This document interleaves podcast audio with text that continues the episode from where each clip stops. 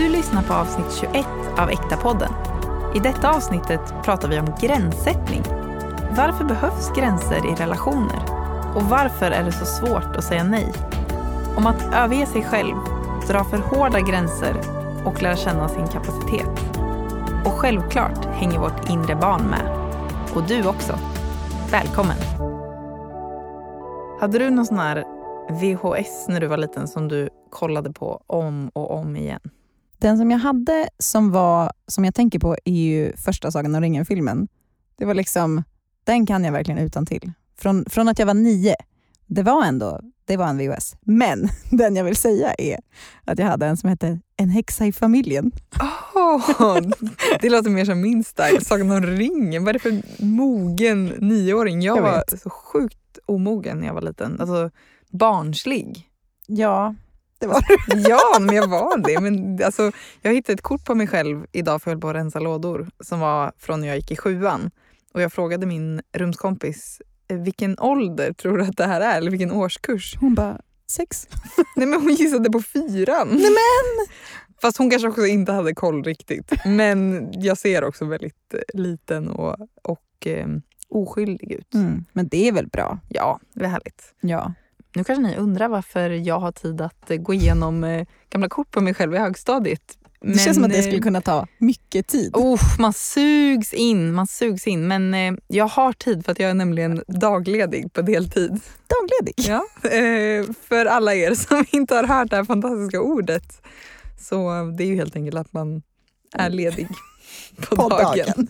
Kan vara arbetslös, kan också vara pensionär eller skiftarbetande. I mitt fall är det så deltidsarbetslös, typ 80-20 Mm. mot eh, arbetslösheten. mot, mot den mot. sidan. Men det började typ igår. Så det har inte, men, men det har varit otroligt eh, jobbigt, eh, psykiskt krävande. Varför är det så jobbigt? Alltså jag älskar ju att vara ledig, men varför är det så jobbigt att vara ledig på obestämd tid? Det är en sån speciell stress det här att sitta och veta att jag borde göra saker fast jag är ledig. Alltså det är som att man är stressad av eh, tid. Man är stressad av tid, man är stressad av att man inte vet när det ska ta slut. Ja, det är väl det. Eh, att det är väldigt så bortom ens kontroll. Men det är så synd för att jag vet ju att om alltså, allt ifrån en vecka till sju veckor så kommer jag stå där och känna vad skönt det hade varit att vara ledig. Jag vet. Så man borde bara njuta av ledigheten nu. Mm, men det är svårt. Men har du haft, har du haft någon liksom ro att typ kolla på någonting? Någon dokumentär eller? Ja, Men jag kollade faktiskt på den här Kungen-dokumentären. Har du Just sett det, den? på SVT? Ja. Nej, jag har inte sett. Eller jag har sett eh, lite klipp som har florerat. Ja, eh, ja men eh, vi... Jag, eller nej, det var faktiskt du som skickade till mig ju. Det eh, det. det här eh, relationstipset i Kungen-dokumentären. Mm. Det är ju våran favorit. Mm, kungen får eh, frågan, vad är ditt... Eh, ja, men, har du något relationstips att dela med dig av? Och då tänker man, kungen, levt länge. Har, har varit i en relation länge. Och det, hans främsta tips är eh, ja, att varje par ska ha två badrum. Så att man kan ha varsitt. Men han är liksom helt seriös också när Han säger seriös. det. Det är som att här, han gräver djupt inom sig för att, för att komma fram med den här visdomen som är att man kanske kan ha två badrum och om man då inte kan ha det För han får han- ju en följdfråga. Att så här, okej, men det är ju folk som bor i hus då. Eller så här, men man kanske har en lite mindre toalett på en våning. I källaren. Eller precis, man kanske har något i källaren. Alltså, det, är liksom, det är så otroligt världsfrånvänt. Det är fascinerande. Det är fascinerande orelaterbart. Ja, verkligen. Eh, men ja, kungen verkar i alla fall ha bra koll på vad han behöver då. Ja, liksom att han behöver sitt eget space. Han behöver sin egen tandborstmugg på toaletten. Mm, På tal om det så ska vi prata om något som kungen då verkar ha väldigt bra koll på, nämligen gränser i relationer.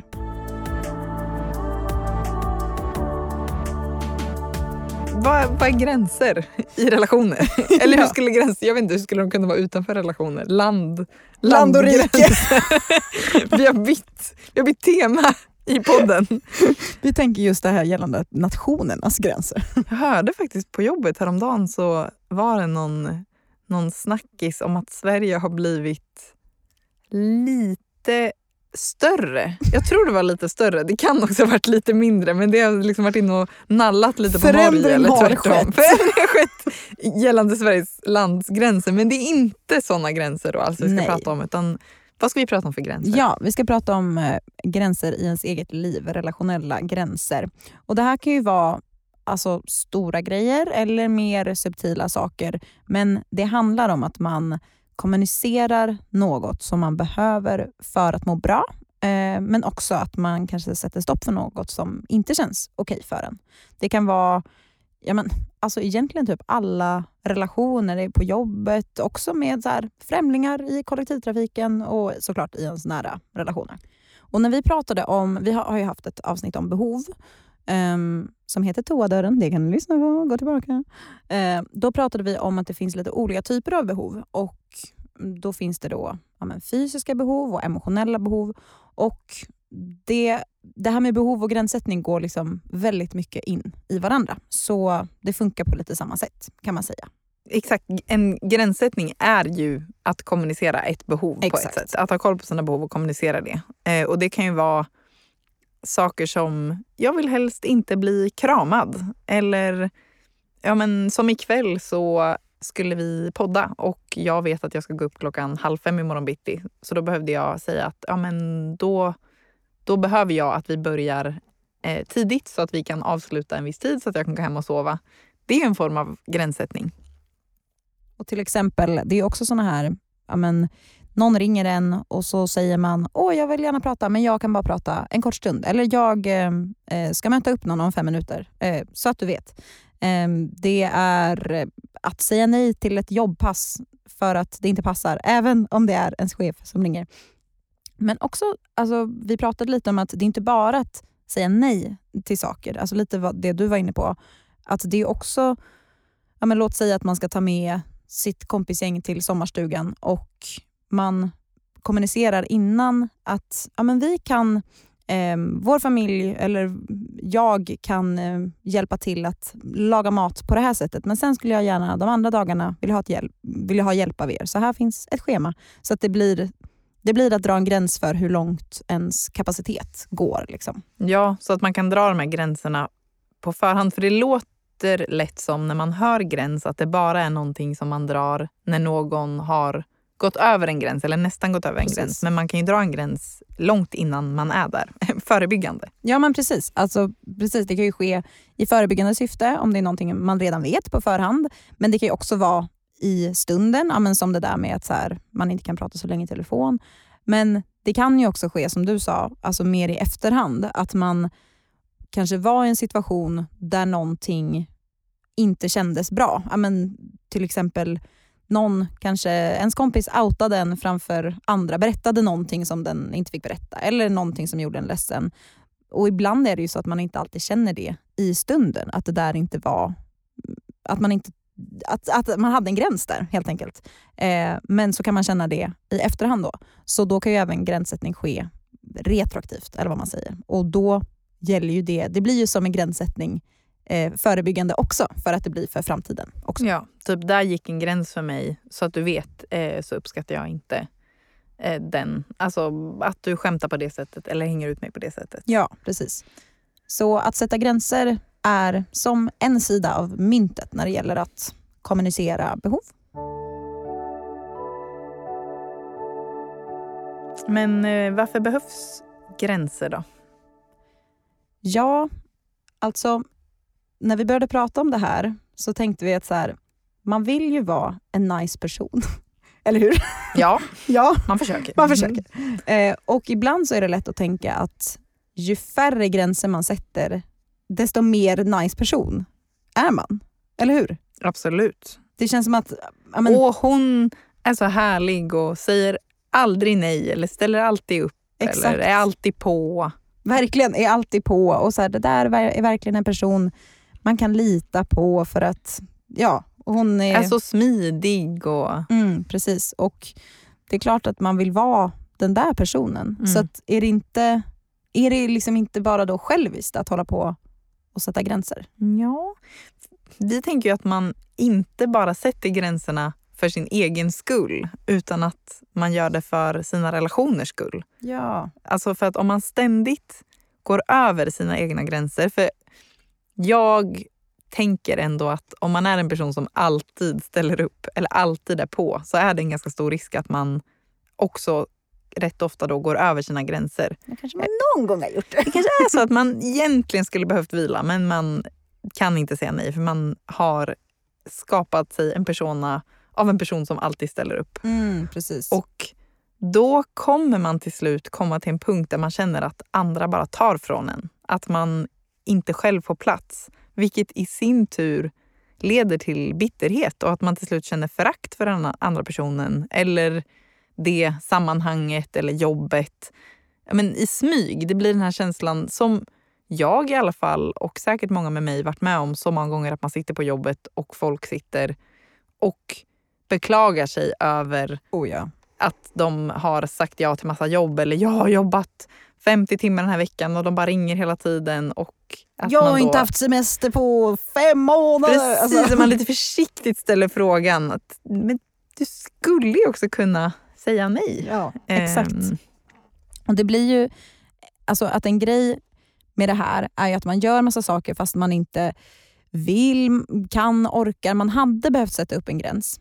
Och det som händer då, precis det där som du sa, att då hamnar ju det andra, den andra personen eller jobbet eller den andra parten hamnar på något sätt i dålig dager i ens inre. Det blir som att de hamnar på minuskontot för att vi omedvetet eller medvetet har gjort upp som en deal att nu har jag faktiskt sagt ja till de här grejerna fastän jag inte orkade så nu förväntar jag mig vissa saker tillbaka. Fast den andra personen vet kanske inte ens om att den var med i den här dealen. Liksom. Exakt, det blir en outtalad förväntan, deal. Om man tar jobbexemplet då, att om jag tar alla de här jobbpassen så kommer jag bli uppskattad. Eller då kommer jag få eh, det här fasta jobbet eller vad det nu kan vara. Och så kanske det inte alls blir så. Nej, precis. Och det, det funkar ju även i alltså, mer, vad ska man säga, kanske subtila fall. Att så här, om jag em, låter min kompis avbryta mig fast jag egentligen inte uppskattar att bli avbry, avbruten så kommer jag fortsätta vara älskad av henne eller jag kommer fortsätta, hon kommer fortsätta vilja vara med mig. Eller om jag, och det här känns också, om jag tackar, typ tackar ja till att eh, hjälpa på min kompis bröllop så kommer jag hamna närmare i kompiscirkeln. Ja, det finns någon slags hake, någon slags deal som man tänker att jag ger för att få ändå. Mm. Men, men grejen är att det här avtalet finns bara, som du sa, det finns bara inne i ditt huvud. De andra har inte gått med på det. Åh, det känns som det här klassiska uttrycket när folk ja, men, i såna här typiska yrken där man kan bara så här, jobba hur mycket som helst så säger ju folk att ingen kommer tacka dig när du är utbränd. Alltså att man, det känns som att när man jobbar över så där mycket eller ger så mycket så är det som att man tänker att man betalar in på ett konto där alla kommer tacka en och hylla en i slutändan fast det enda som det gör är att det kommer tillbaka på en själv på något sätt. Ja, verkligen. För att när vi känner då att vi har gjort allt för att få det vi behöver, vi har till och med gått över våra egna gränser, men så möter folk oss ändå inte på det sättet som vi önskar, då blir det ju verkligen den här föraktsgrejen. Och att vi känner oss som offer. Att vi känner oss maktlösa. För att det är som att men jag har ju gett bort hela mig själv och det var allt jag hade kvar på något Mm. sätt. Det var det, det var det sista jag hade och det är ändå inte bra. Exakt, och det kan ju kännas så skönt, kortsiktigt skönt att eh, strunta i att sätta gränser. För att man är ju obekväm när man sätter gränser. Eh, men vi vill liksom säga att långsiktigt så blir det här inte så bra, varken för dig alltså som person bara i din egen kropp och hälsa, men heller inte för eh, relationerna. Så gränser är liksom till för att både man själv och relationerna ska hålla i längden. Ja, men för vi har ju snackat lite nu om då att man väljer att inte sätta gränser för att man har en viss förväntan. Det kanske inte bara är så att man är den där härliga personen som inte har några behov eller inte ställer några krav på sin tillvaro. Men vad kan det vara mer som man är rädd för när man inte sätter gränser? Ja, exakt. Varför är man, om det nu är bra med gränser, varför är man då rädd för det? Så här, vi pratar ju väldigt, kommer ju ofta tillbaka till eh, när man är liten, eh, att det är mycket som det är mycket i vår tillvaro och sättet vi eh, lever vårt liv som grundar sig där. Ehm, för när man är liten så försöker man förstå sin värld genom att liksom läsa av omgivningen och ens föräldrar eller de vuxna i ens närhet. Man läser av omgivningen och försöker genom de pusselbitar eller vad man ska säga som man får så försöker man nå målet som man har, vilket är att man ska få kärlek och bli bekräftad och sedd. Det är liksom en överlevnadsgrej som barn. Att jag måste se till att jag eh, får vara trygg här. Och Vi önskar ju såklart att ens föräldrar och alla vuxna skulle liksom kunna ge det där till barnen. Alltså att de bara skulle eh, kunna ge det så att barnet kunde eh, blomma och eh, vara fri. Eh, och liksom att föräldrar ska kunna ge det utan att eh, ha någon dold agenda eller vänta, förvänta sig något tillbaka eller sådär. Bara älska barnet helt och fullt oavsett hur den beter sig eller är. Men vi vet ju att det inte är så. För att eh, föräldrar är människor som har sin historia och är fulla av massa sår som garanterat gör att de liksom på ett eller annat sätt kommer misslyckas med den här uppgiften att ge sina barn liksom den här förbehållslösa kärleken. Så på massa olika sätt så kommer eh, de flesta föräldrar, eller vuxna, på olika nivåer såklart, eh, signalera för barnen runt omkring dem att du behöver göra något särskilt eller vara på något särskilt sätt. Du behöver ändra dig eller modifiera dig för att bli älskad av mig eller bli inkluderad. Ja, verkligen. Det kan ju vara så otroligt subtila saker och grejer som sker i varje hem och som de flesta föräldrar säkert gör på ett eller annat sätt. För det är det vi tänker, att det finns ingen perfekt förälder utan Nej. alla har... Men man är människor och man eh, fuckar upp. Och det kan ju vara liksom att ja, men du får bara positiv bekräftelse hemma och känner dig sedd om du kommer hem från skolan och har lyckats på ett bra prov eller på ett bra prov. Det är ett otroligt väl utformat Läraren som gjorde det här provet, otroligt! Otrolig lärare. Det tar helt fokus från barnet. Nej men eh, det, så kan det vara, men det kan också vara att man har lyckats bra ja. på ett vanligt mediokert prov. eller att ja, men man får bra betyg, eller när man hjälper till hemma. Man kanske fixar fredagsmiddag en kväll och då märker man att oj, nu boostar de verkligen upp det här. Och jag tänker som förälder så är det också så lätt att tänka att vi vill verkligen lyfta upp de här positiva grejerna. Att oj, du fick bra betyg, nu ska vi fira, nu ska vi verkligen se dig. Det är ju ingenting dåligt. Men risken blir ju om man bara känner att man får kärlek och att man firas när man då har presterat och gjort någonting. Att man lär sig att men det enda sättet för mig att få kärlek från mina föräldrar och i förlängningen av andra är om jag presterar. Mm. Att jag måste förtjäna kärleken och på samma sätt åt andra hållet om man blir bestraffad när man presterar dåligt. Om det blir liksom massa negativt om man kommer hem och har skrivit ett dåligt prov eller att man... Det här känns också som en klassisk grej att man blir ignorerad. Man blir Verkligen. typ skickad till sitt rum om man har negativa känslor, om man är arg eller frustrerad. Och då kanske man lär sig att men, kärlek kommer tas bort om jag misslyckas. Eller jag måste hålla upp en glad fasad för att ta emot kärlek. Ja, men exakt. Och då tar man ju som barn alla de här pusselbitarna eh, som man uppfattar och så skapar man då system i ens hjärna. Och de här systemen, deras jobb är att se till att man får det man behöver. Och det utgår liksom från alla ens sammanlagda erfarenheter. Och I det här fallet då så berättar ju systemet du behöver gå över dina gränser, du behöver prestera eller reducera dig själv för att få kärlek och vara trygg. Och Det här eh, skapades när vi var barn, men de systemen, om vi inte belyser dem nu när vi är vuxna så kommer de liksom fortsätta jobba. Även fast vi är vuxna och vi behöver kanske inte de här systemen längre. Vi skulle kunna tillgodose oss våra behov på massa olika sätt. Men de här systemen de fortsätter än idag. Och när vi tänker på att de här systemen är liksom skapade av en femåring så blir det liksom inte särskilt logiskt eller ens bra för oss. Men man skulle inte vilja att en femåring löste ens problem. Nej. Men det blir som att ens inre femåring ska lösa ens problem. Ja, exakt. Så liksom den här rädslan att inte våga sätta gränser nu när vi är vuxna rotar sig väldigt ofta i de här systemen då, som vi byggde när vi var små.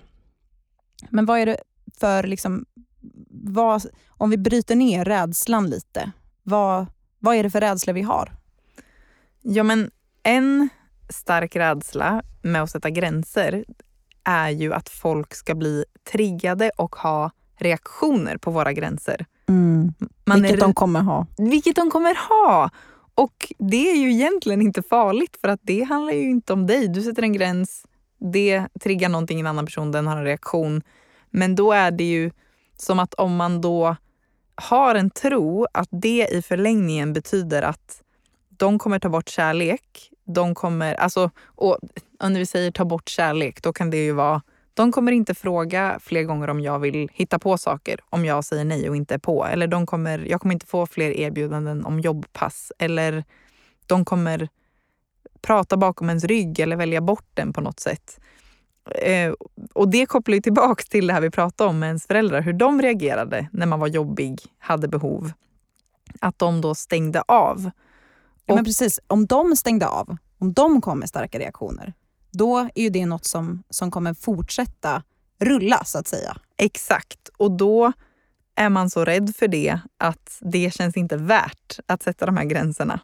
Mm, exakt. Vad finns det för mer rädslor då? Jo, men en annan rädsla, eh, tänker jag, är att om jag sätter en gräns så säger det massa saker om mig som person. Mm. Alltså att jag är illojal, att jag är någon som inte ställer upp, jag är oberäknelig, jag är hård. Det blir massa mm. skam-statements. För det här är ju skammen som pratar, den som viskar att vi i grunden är någonting, att vi är dåliga. Mm. Om jag eh, inte ställer upp när de ringer från jobbet, då är jag sån här och sån här och sån här. Istället för att då är jag en människa som är trött, ja, vilket är sanningen, så Verkligen. betyder det massa saker om mig. Mm. Och det vill vi undvika för det är jättejobbigt och hemskt att känna skam. Och ja. då så väljer vi istället att inte sätta gränser. Exakt, precis som du sa innan att då, det känns inte värt det. Det känns inte värt om vi ska behöva höra de skamrösterna. Då kan vi lika gärna gå över våra gränser för vi vill inte höra de rösterna.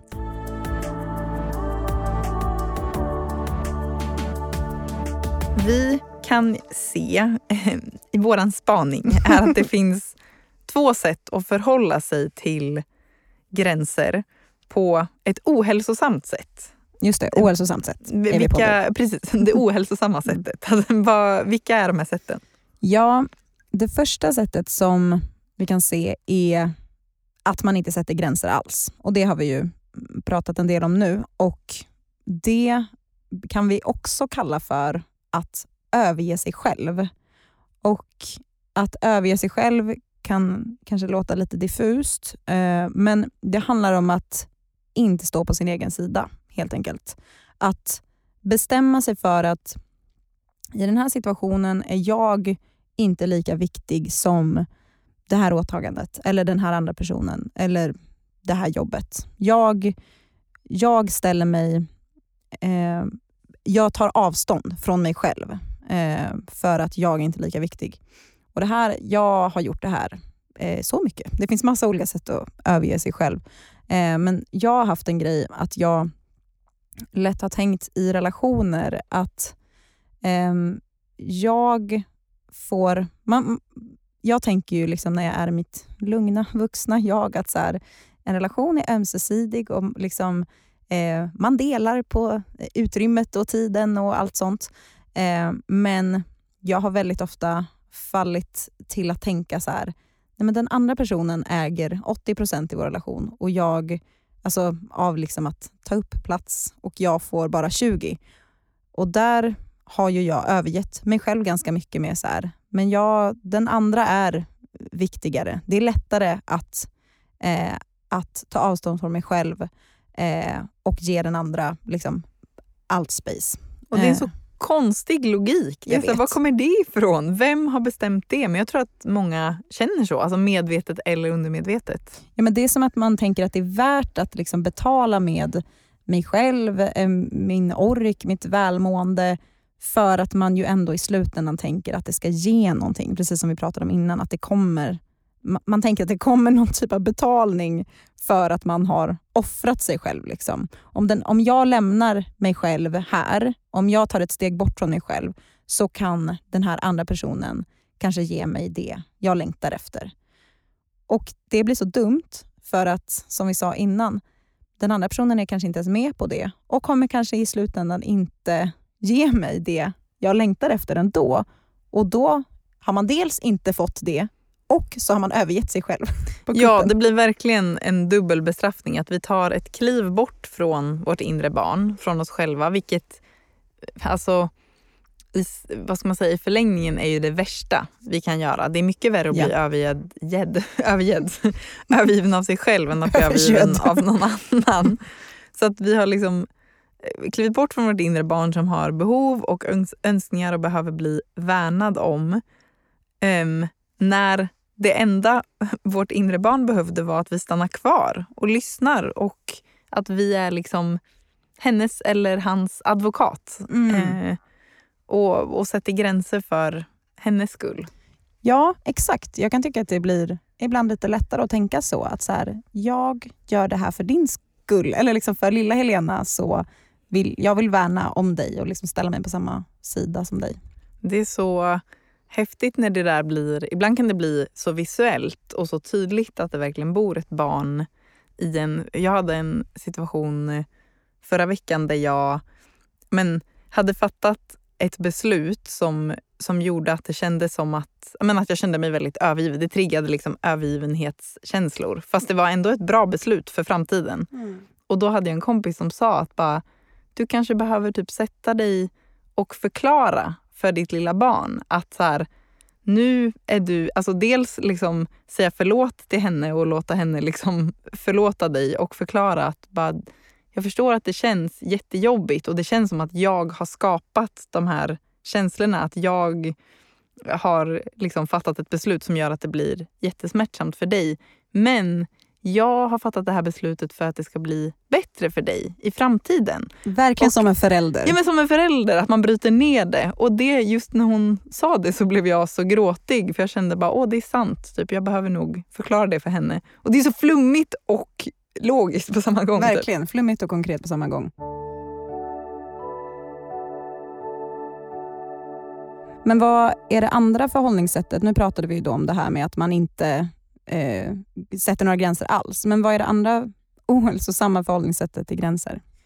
Ja, men det andra sättet är att man istället sätter jättehårda gränser. Alltså att man sätter mycket hårdare gränser än vad som skulle behövas för att man vill skydda sig. Alltså man placerar sig så långt bort från faran som egentligen kanske inte är en verklig fara men man ställer sig så långt bort som möjligt eh, för att eh, det aldrig ens ska finnas en risk över att det kommer till en plats där någon går över ens gränser. Just det, alltså det finns en hypotetisk fara som man vet inte om den kommer ske. Men för att den inte ska ske så ställer man sig superlångt bort därifrån. Liksom. Exakt. Och ibland såklart så kan det ju vara en verklig fara och en, en nö, nödvändigt att sätta den gränsen. Så det, det är inte det vi pratar om. Men många gånger känns det som att det kanske inte är det. Utan det är mer kanske läge att syna sina motiv lite och fundera över varför vill jag egentligen sätta den här gränsen? Vad är det jag är så rädd för ska hända om jag inte har den här hårda gränsen då?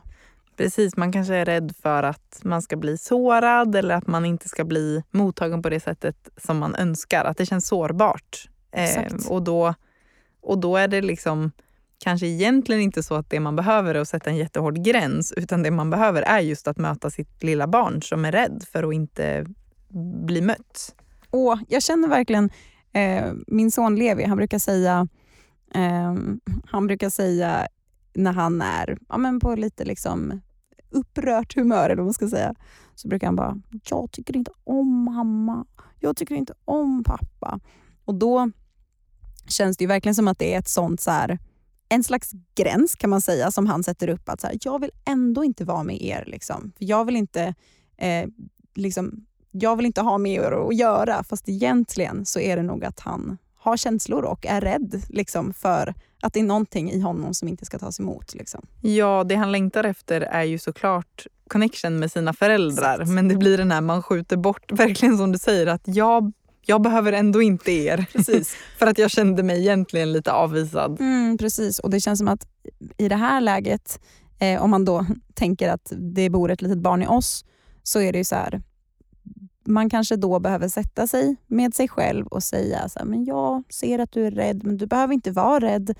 Det är ingen fara att du får en, en fråga och så känns det kanske lite lite läskigt och lite jobbigt, men vet du vad? Du får säga ja. Och du, du, kan, göra, du kan ge så mycket som du orkar. Alltså att, att liksom, eh, på något sätt säga till sig själv att jag kommer inte lämna dig.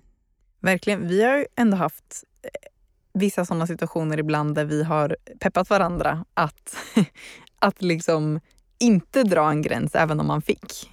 Precis. Men det kan ju kännas väldigt läskigt. Alltså, när man är i det där att man sätter gränser utifrån rädsla, att ja, men om man är i mötet med en person till exempel, och så kan man bara känna verkligen det där att så här, men jag, jag kan inte ge någonting här. Eller för att jag kommer inte orka, eller du, du, kommer, du kommer svälja mig. Alltså, jag kommer bli uppäten. Alltså på något sätt så här, om jag ger lillfingret till dig så kommer du bara ta hela handen på något sätt. Ja, det är verkligen det det är verkligen vad det begreppet betyder. Det är ju ett ganska maktlöst begrepp egentligen för att det bygger ju någonstans på att om jag ger lite så betyder det att jag måste ge allt. Att man på förhand är rädd att situationer eller relationer ska liksom bara ta från en och att man inte själv kommer ha makt om man väl har sagt ja. Men det är ju egentligen ganska konstigt för att man kan ju säga ja först och sen så kan man dra en gräns exakt. när som det, helst. Det är som att man tänker att så här, jag kommer inte vara med där. Alltså,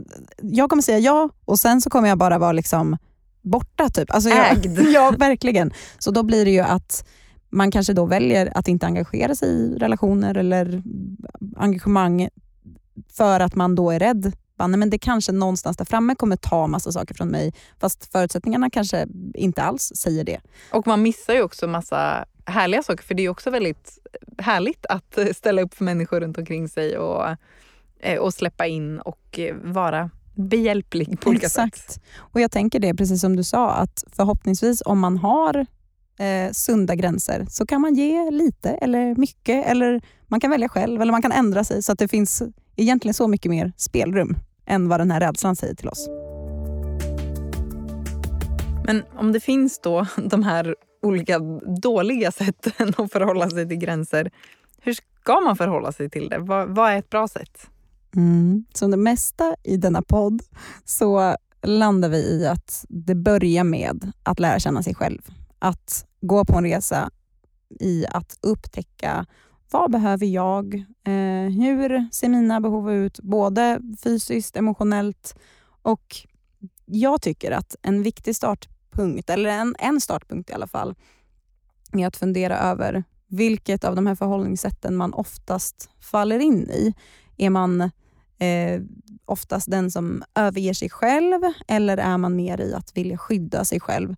Och Jag skulle säga att alla har nog en liten tendens till båda och vissa är nog sådär att man svingar eller pendlar jättehårt liksom, mellan de två. Och Det är olika. ju det som skammen gör också. Att man säger jätte, jättehårda nej och sen så kommer då den här rösten som säger du är en dålig person som drar en gräns och då vill man kompensera så då säger man jättemycket ja och så kör man över sig själv och så får man frakt och då börjar man säga nej. Eh, och så bara wiu, wiu, wiu. Pendeln is here. Och det, alltså, det här är svårt. Det är inte alltid så himla lätt att veta var ens gränser går. Man, man vet liksom inte alltid det där på förhand. Eh, men då, vi sa ju det innan, att så här, det är så okej okay att kommunicera i efterhand. För att man kan ju märka det där, eh, att så här, oj, här eh, kändes det inte okej eh, plötsligt. Att så här, här fanns min gräns. Och då är det så okej att kommunicera i efterhand. Ja, och mycket kokar verkligen ner till att just bryta relationer med skam.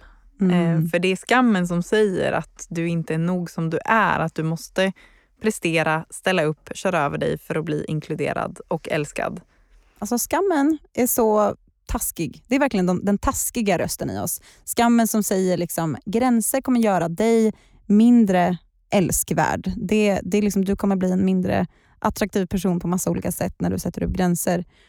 Och då, som ett motgift till skammen, så kan vi öva på att då sätta upp hälsosamma gränser och liksom på något sätt in your face tala om för skammen att jag är visst värd att ta upp plats i relationen. Jag är värd att ha behov. Jag är värd att vara en människa. Verkligen att bryta med den här tron att det är yttre komponenter som avgör om jag är bra eller inte. Att det är andra människors bekräftelse som kan berätta vad jag är värd. Ah, Det är så svårt. Alltså det, är, det här har ju så många lager. Det är så otroligt mångbottnat. Alltså när vi satt och planerade här var det verkligen så här bara, men sen har vi ju det här också. Men det är ju också det här. Blir det en serie? Alltid. Verkligen. Det, ah, ah. Serie på gång. Nej men det är ju att förstå varför man har svårt att sätta gränser och varför det är liksom, det kan ju också vara extra svårt att sätta gränser med vissa personer eller i vissa situationer. Man kanske är jättelätt med andra. Det kan ju bara bero, det beror på så otroligt mycket olika saker och har ju liksom inte bara en förklaring. Precis som typ alla grejer vi pratar om i podden, att allt hänger samman. Men mycket av nycklarna finns där i de systemen som vi skapade, i, skapade som barn. Ja, verkligen. Och vi... Någonting som vi ja, men funderade lite på när vi började prata om det här med gränser, det är att ibland så kan man höra eller få känslan av att folks gränssättning går för långt. Som att så här, fast nu drar du, har det väl ändå gått lite för långt, det här med gränserna. Ja, kan det gå för långt? Eller liksom, kan det bli för eh, sund gränssättning? nu är det alltså lite väl sund gränssättning. Nej, men vi, vi tänker ju att det inte handlar om att just sund gränssättning går för långt. Alltså på samma sätt som man inte kan ta emotionell hälsa för långt eller feminism för långt. Alltså som vissa säger, bara, nu har väl ändå feminismen gått för långt. Då har man ju missförstått vad det är. Om feminism skulle gå för långt, det enda som kan hända är ju att det blir jämställt. Och det, och nej. Ja, precis. blev Åh, jämnt. typiskt. Alltså, och vi tänker på samma sätt med emotionell hälsa. Att, att lära känna sig själv och ha koll på sina mönster och arbeta med dem, det kan aldrig gå för långt. Men det är en annan sak om man använder emotionell intelligens och det här vokabuläret på ett manipulativt sätt mot andra. Mm, det känns verkligen som att det är något vi har, alla har gjort, eller liksom när man börjar gå på den här resan. Och Det finns faktiskt ett uttryck eh, som kallas för weaponized therapy speak. Eh, det är alltså att man använder psykologispråk, kan man säga, psyko psykologivokabulär, för att lägga över ansvaret på andra och i förlängningen kontrollera andra. Och det kan det finns en risk med det när man pratar om just gränser. Att man på ett sätt missbrukar gränssättning. Um, Ja, men som... Eh, eh, det har, för det har varit ändå någonting som har snackats lite om i media, det här med weaponized therapy speak. Eh, och då var det ett exempel med Jonah Hill som, där det kom fram att han hade använt det här mycket mot sin partner. och hade sagt att eh, jag, eh, sätter upp en, eller jag har en gräns eh, där du inte får lägga upp en sån här typ av bilder på sociala medier. Och Det är ju ett väldigt tydligt eh, exempel på det här där man säger att Nej, men det här är min gräns och om du älskar mig och respekterar mig så skulle du respektera den här gränsen. Fast det är inte en gräns som handlar om dig utan det är någonting som handlar om den andra personen. Så det är någonting som man använder för att då kontrollera den andra. Vilket i förlängningen inte egentligen är ett hälsosamt sätt att förhålla sig till, eh, till eh, sig själv och den andra. Man använder de orden fast det är ju inte alls det vi pratar om. Nej, precis. Och jag eh, kom, kom själv på ett exempel när jag har gjort det här. eh, jag och min man Petter hade eh, en konflikt eller en diskussion och så började han berätta om hur han upplevde en sak och så avbröt jag honom mitt i och sa liksom när du använder ordet triggad så eh, du använder det inte på rätt sätt. Vilket är så här, bara, oh, way to go. verkligen så här, verkligen bryta connection. Mm, ja. Någon är sårbar och försöker berätta om sin upplevelse och så går man in på någon slags teknisk och Exakt. visar att här, jag har bättre koll Exakt. än vad du och jag har. Menar, det där är ju så här, i ett läge där vi är liksom lugna och är på, på en liksom, connectad plats, då hade man kunnat prata om, så här, just det, det känns bara viktigt att prata om så här, vad menar du när du säger så och jag menar så här. Men det var inte så det var, utan det här användes som ett vapen, ett liksom maktövertag. Så vi vill bara säga, sätta upp ett varningens finger, eh, för det är så väldigt lätt att göra det här eh, när man liksom får ett nytt vokabulär och får liksom språk för så här, oh, gränssättning. Eh, så bara eh, fundera över det i er själva så att ni inte hamnar där.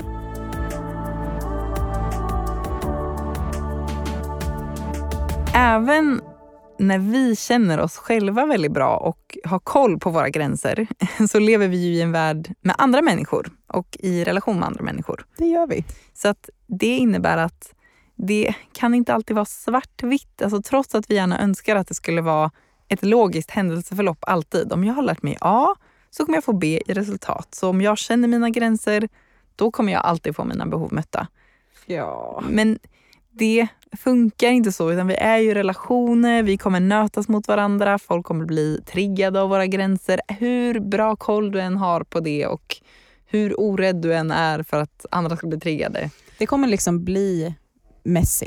Alltså bara, eh, det kommer det bli. Ja, verkligen. Och jag, för jag och min syster har, vi är väldigt nära varandra och eh, pratar mycket, har en väldigt nära relation. Men vi har krockat ganska mycket på det här området med gränser och inte alltid förstått varandra. Och jag tänker att just för att hon är min familjemedlem så är det också någon som triggar mig typ mest. För man blir alltid mest triggad av sin familj. Och jag har nog kört min linje ganska hårt med att jag får ha mina gränser, vilket jag får. Men på den senaste tiden så har vi haft väldigt bra samtal kring det här och då har jag ändå känt att jag har fått lite nytt perspektiv och mer förståelse för, för henne och hur hon funkar.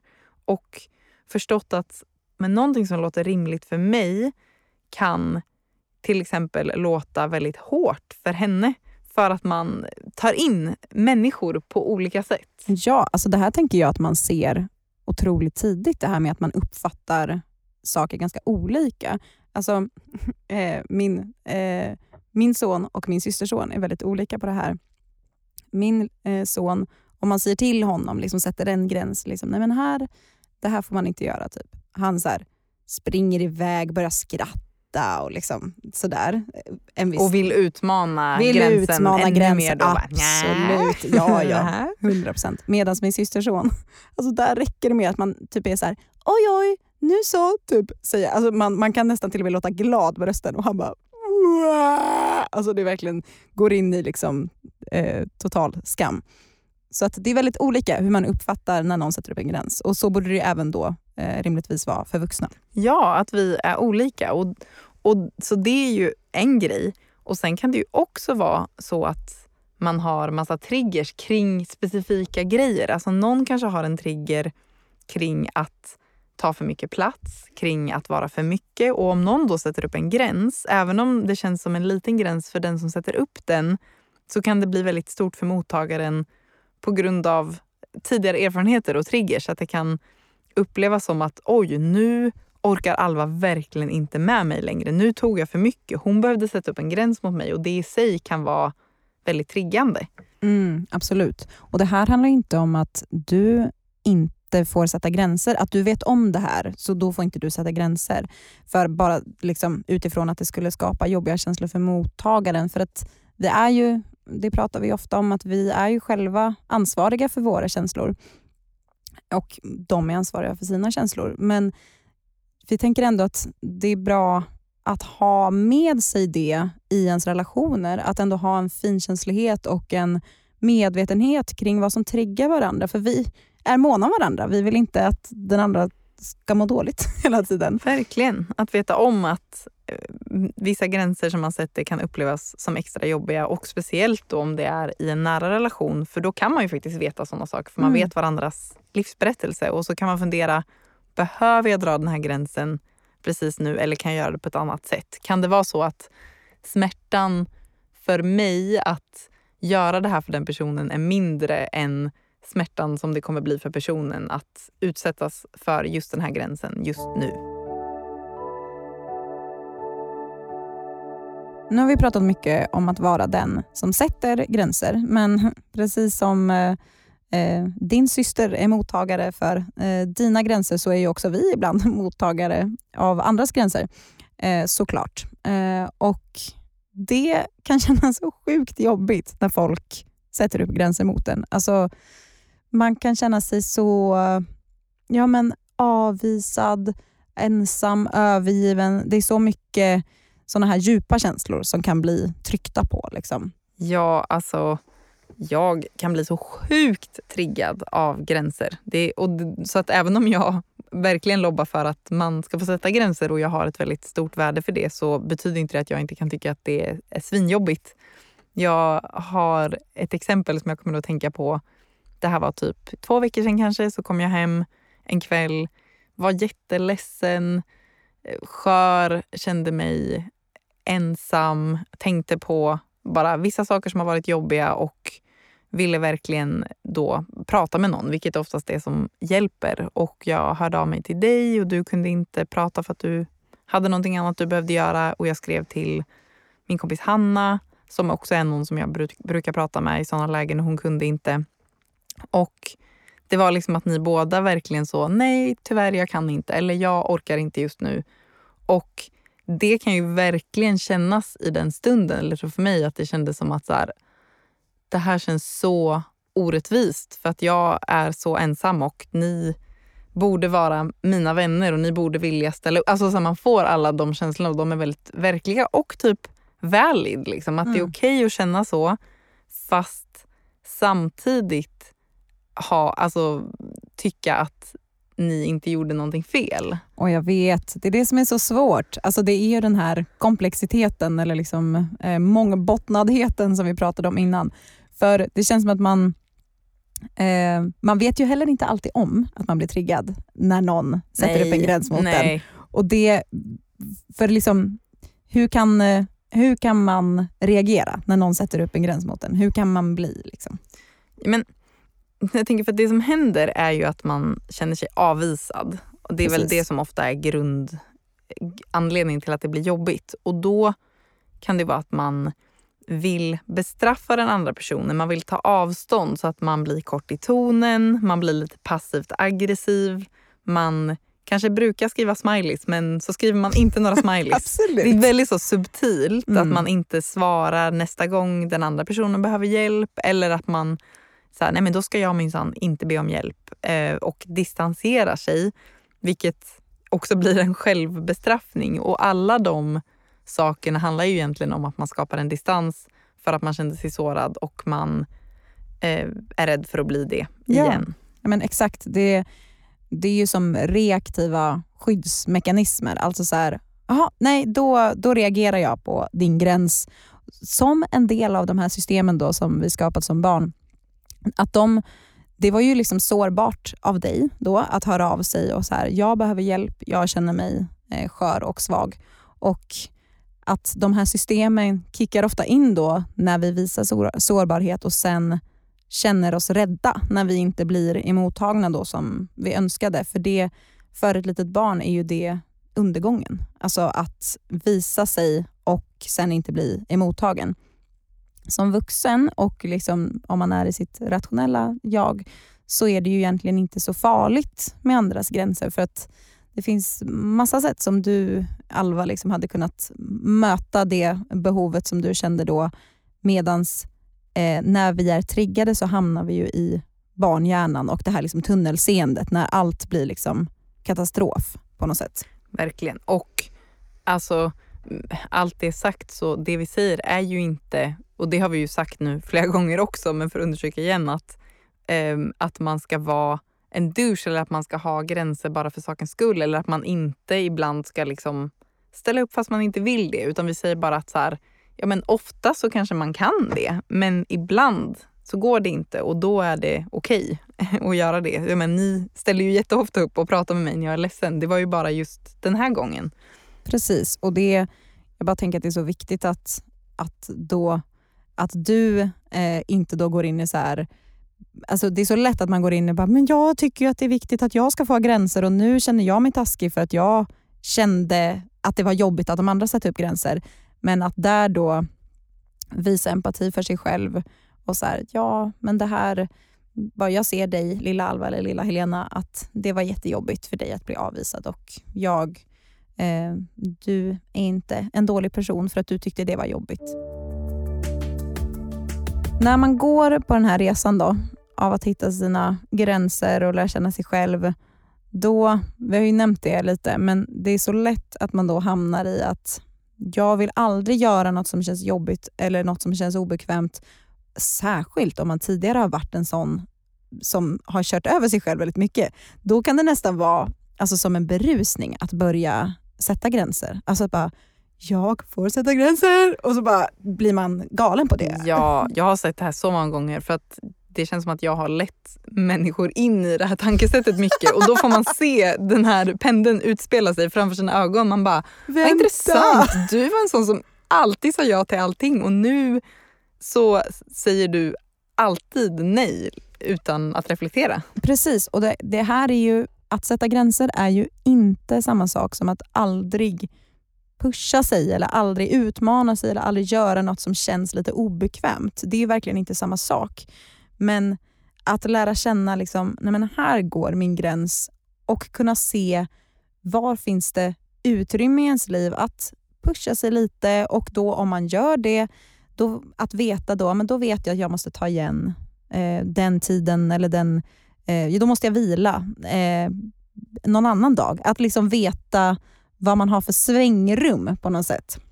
Verkligen, och också ställa sig frågan, vem vill jag vara? Ja, men jag vill vara en generös person, så då kanske jag ibland Alltså om jag, min instinkt blir att, säga nej till allt så kanske jag behöver då utmana det. Så bara, fast jag vill också vara någon som ställer upp, som är schysst, som låter folk bo hos mig eller vad det än kan vara. Och då eh, gå emot sin känsla lite grann. Alltså det är som att man tar det full circle på något sätt. För att om det liksom börjar i att så här, åh, jag, jag säger ja till allting för att jag var, vill vara en lojal person eller jag vill vara en, en sån som ställer upp. Och Sen så liksom går man på hela resan att det är så här, bara, men jag behöver inte göra det för att vara älskad. Jag får säga nej. Det är okej okay att ha gränser. Och till slut så kommer man runt till att så här, och faktiskt, jag vill vara en lojal person. Så då vill jag göra de här grejerna. Men då har man liksom gjort det, eh, man har tagit rätt väg dit. Om du förstår vad jag menar. Absolut, det är en jättebra analogi. Tack så mycket.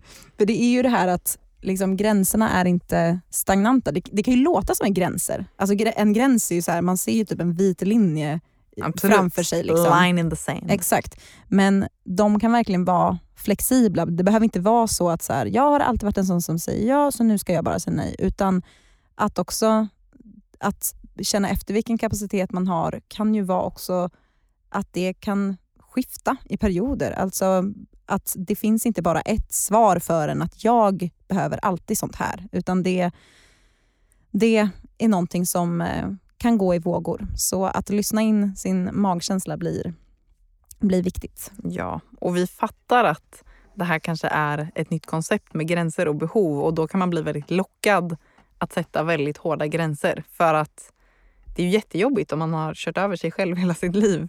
Men vi vill skicka med då att du behöver inte vara rädd. Att även om du gör någonting som kanske gick över dina gränser så betyder inte det att du då har gått bakåt eller att du aldrig kommer sätta gränser utan det kommer hela tiden nya chanser så man behöver inte göra det i rädsla.